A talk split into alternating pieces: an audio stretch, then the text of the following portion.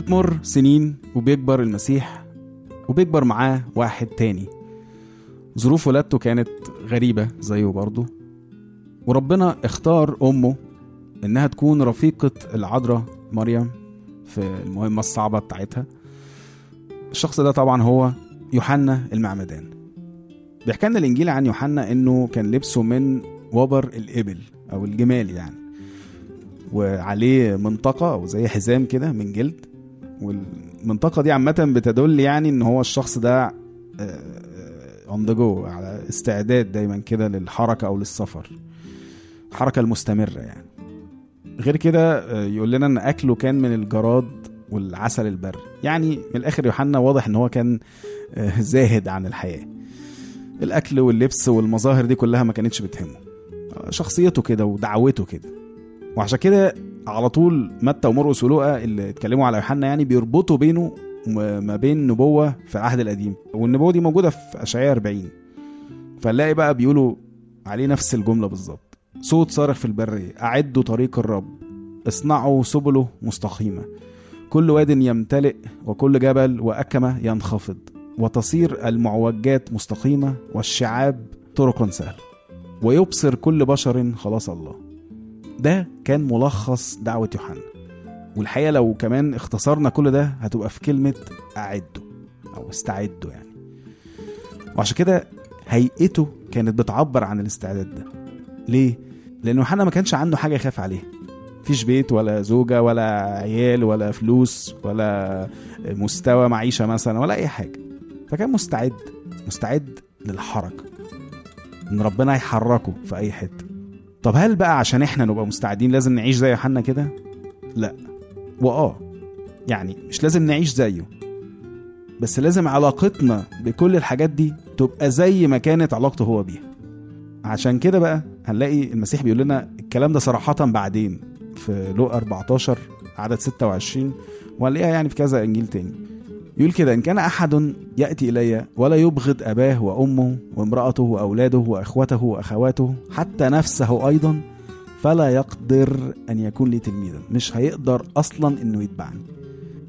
الآية دي طبعا صعبة قوي لدرجة إنه عادة الناس بتتجاهلها أو تحاول تغمض عينها عنها أو تقول في نفسها أكيد لا المسيح كان قصده حاجة تانية إحنا بس مش فاهمينها كويس.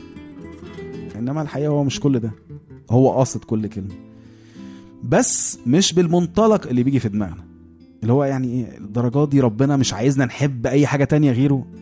يعني مش ده يبقى برضه اسمه حب امتلاك. ما بقاش حب بقى خلاص. وإحنا يعني مش واخدين برضه على كده من ربنا. طب إيه؟ ليه المسيح بيقول كده؟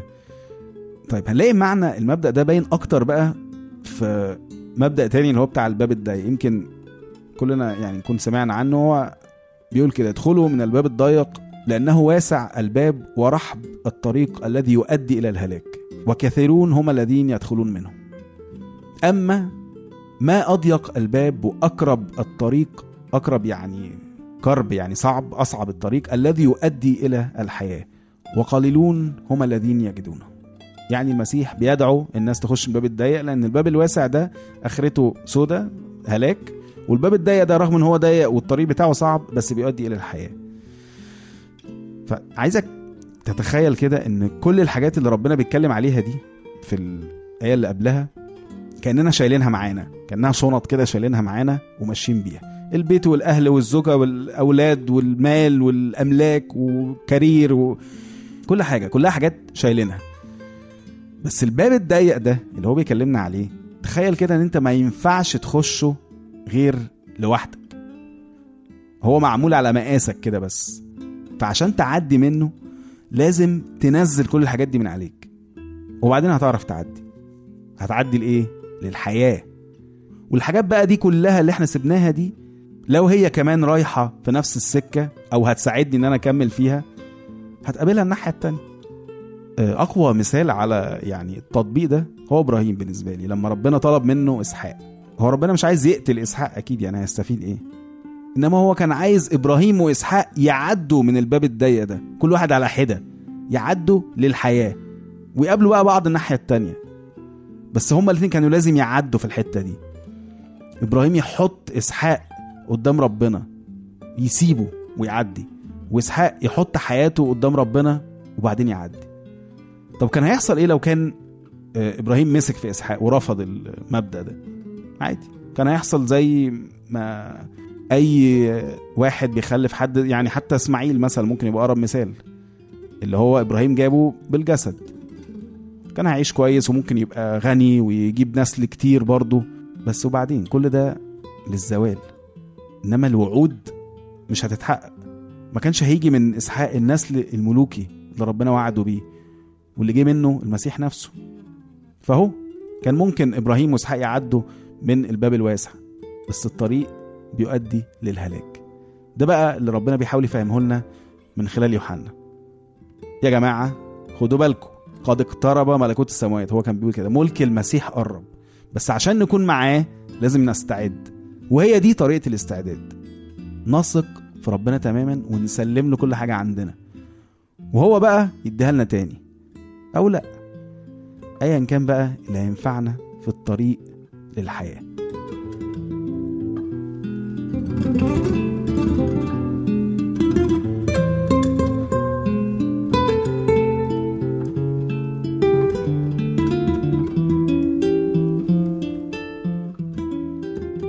يوحنا المعمدان كان واحد مش طالب حاجة لأنه مش عايز حاجة أصلا. فالناس صدقته. وفعلا بقى بنشوف إن ابتدت الجموع تيجي ليوحنا وتتعمد. ساعتها المعمودية ما كانتش بالمفهوم اللي عندنا دلوقتي لا هي كانت مجرد رمز الإعلان التوبة. فيعني زي ما المية بتغسل كده الجسد آه، أنا بتوبتي هغسل نفسي من الخطية. فهي رمز الحاجة بتحصل جوايا. والطبيعي العكس إنه من غير الاستعداد للتوبة أصلا فالمعمودية دي مش هيبقى لها أي قيمة. وده بقى اللي جنن يوحنا لما لقى الموضوع يعني قلب موضة. وكل الناس بقى عايزة تريح ضمايرها وتيجي تتعمد خصوصا اللي كتبوا الفريسيين. فعمل معاهم إيه بقى؟ هنلاقي كده في متى 3 أعداد سبعة لعشر فلما رأى كثيرين من الفريسيين والصدوقيين يأتون إلى معموديته قال لهم يا أولاد الأفاعي من الخباثة. يعني أنتوا أنتوا بتتخبسوا يعني. من أراكم أن تهربوا من الغضب الآتي؟ فاصنعوا أثمارا تليق بالتوبة. ما تقوليش كده وخلاص عشان تعملوا أي منظر قدام الناس وتقولوا إن أنتوا زيهم. إنما لازم التوبة يبقى لها ثمر. ولا تفتكروا أن تقولوا في أنفسكم لنا إبراهيم أبا لأني أقول لكم أن الله قادر أن يقيم من هذه الحجارة أولادا لإبراهيم. والآن قد وضعت الفأس على أصل الشجر فكل شجرة لا تصنع ثمرا جيدا تقطع وتلقى في النار. يوحنا ما بيتفهمش طبعا ولا بيخاف من حد ولا بيفرق مع حد. فقال لهم لا بقول لكم إيه أنتوا جايين تعملوا إيه؟ توبة من غير ثمر تبقى مرائية وتمثيل. وأوعى تكونوا فاكرين إنكم هتقولوا لا إحنا أصلا ولاد إبراهيم مش محتاجين حاجة. زي ما إحنا كده ممكن نقول إحنا مسيحيين إحنا مش محتاجين حاجة. إحنا متعمدين إحنا وصلنا خلاص إحنا بنهزر بس. لا مفيش الكلام ده. ربنا قادر يعمل من الحجارة دي ولاد ليه برضه. ايا كان مين يهود أو مسيحيين. وراح قايل لهم بقى التشبيه ده. خلاص الفاس اتحطت على أصل الشجرة على الشجرة من تحت. أي شجرة ما فيهاش ثمر هتتقطع وتترمي في النار. بعدها هنلاقي في لقا الناس بتسأله طب نعمل إيه يا يوحنا؟ فبيبتدي يديهم أمثلة لكل واحد إزاي يقدر يخلي التوبة دي عملية. آه، ناس بقى مختلفة سواء جموع عادية أو عشارين أو جنود حتى. وكان بيقول لهم يعملوا إيه؟ ساعتها بقى ابتدت الناس تفكر إيه ده؟ هو ده ممكن يكون بقى المسيح ولا إيه؟ فيوحنا عرف وراح قال لهم كده. بعد الآيات بقى اللي قريناها دي على طول في متى؟ هلاقيه بيكمل كده من أول عدد 11 وعدد 12 أنا أعمدكم بماء للتوبة ولكن الذي يأتي بعدي هو أقوى مني. الذي لست أهلا أن أحمل حذائه. هو سيعمدكم بالروح القدس ونار. الذي رفشه في يده. رفش ده يعني زي شوكة كده كانوا بينخلوا بيها القمح. وهنشرح يعني القصة دي بعدين. وسينقي بيضره ويجمع قمحه إلى المخزن. وأما التبن فيحرقه بنار لا تطفأ. موضوع المعمودية أكيد هنتكلم عليه أكتر بعدين بس الحقيقة أنا قصدت أكمل عشان أربط بقى المثل ده بتاع القمح ده مع المثل التاني بتاع الفاس والشجرة. هو يوحنا بيقول لهم إن المسيح اللي هيجي ده هيجي ينقي القمح من التبن. عشان بقى تبقوا فاهمين الصورة الفلاحين لما كانوا بينقوا القمح بعد ما يجمعوه يبقى قدامهم كومة كده كبيرة. الكومة دي عبارة عن قمح وتبن. يعني فيها شوائب كتير.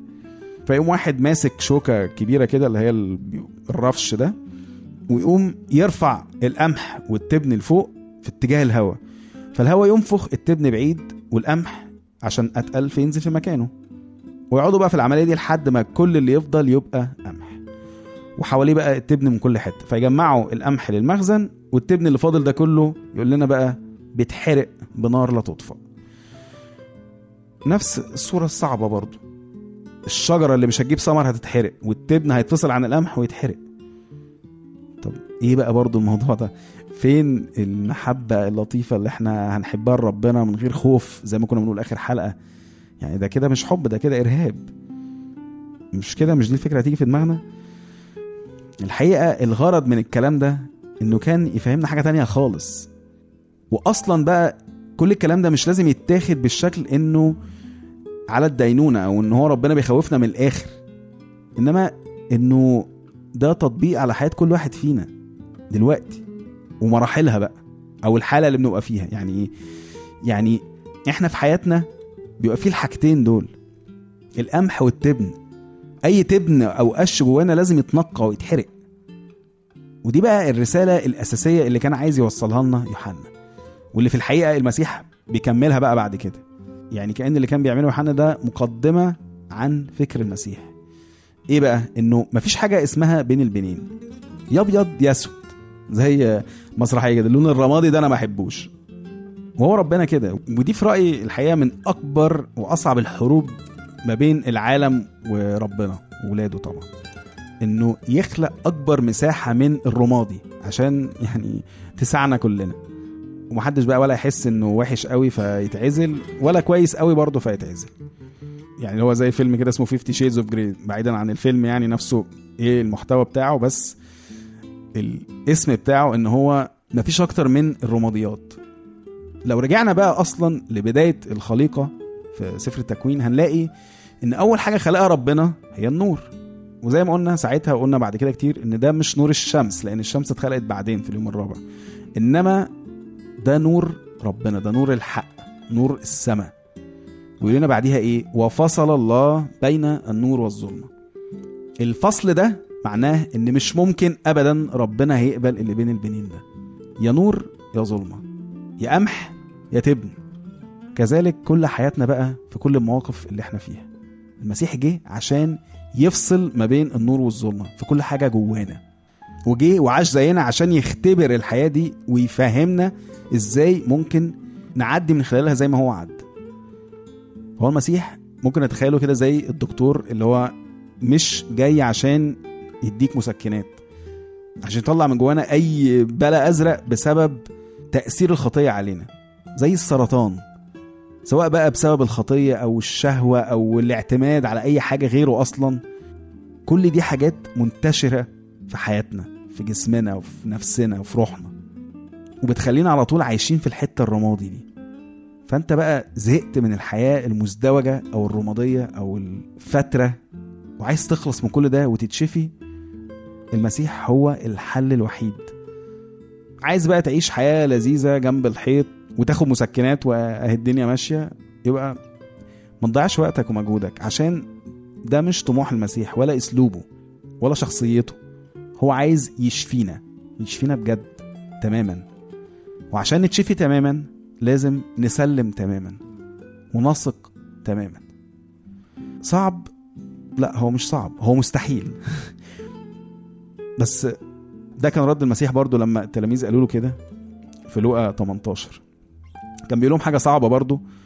ايا كانت هي إيه بس وصلوا لنفس النتيجة اللي إحنا بنوصل لها. قالوا له فمن يستطيع أن يخلص؟ على كلامك ده محدش هيعرف يخلص. إزاي نقدر إن إحنا نعيش تماما كده لربنا وإن إحنا فعلا نفصل نفسنا عن أي حاجة ممكن تعطلنا عن ربنا؟ إزاي؟ فالمسيح بقى قال لهم إيه؟ غير المستطاع عند الناس مستطاع عند الله. فيعني نتكل على الله وملكش دعوة. هتشوف معجزات بتحصل فيك زي ما عمل مع ناس كتيرة وزي ما بيعمل مع ناس كتيرة كل يوم. نشوفكم الحلقة الجاية.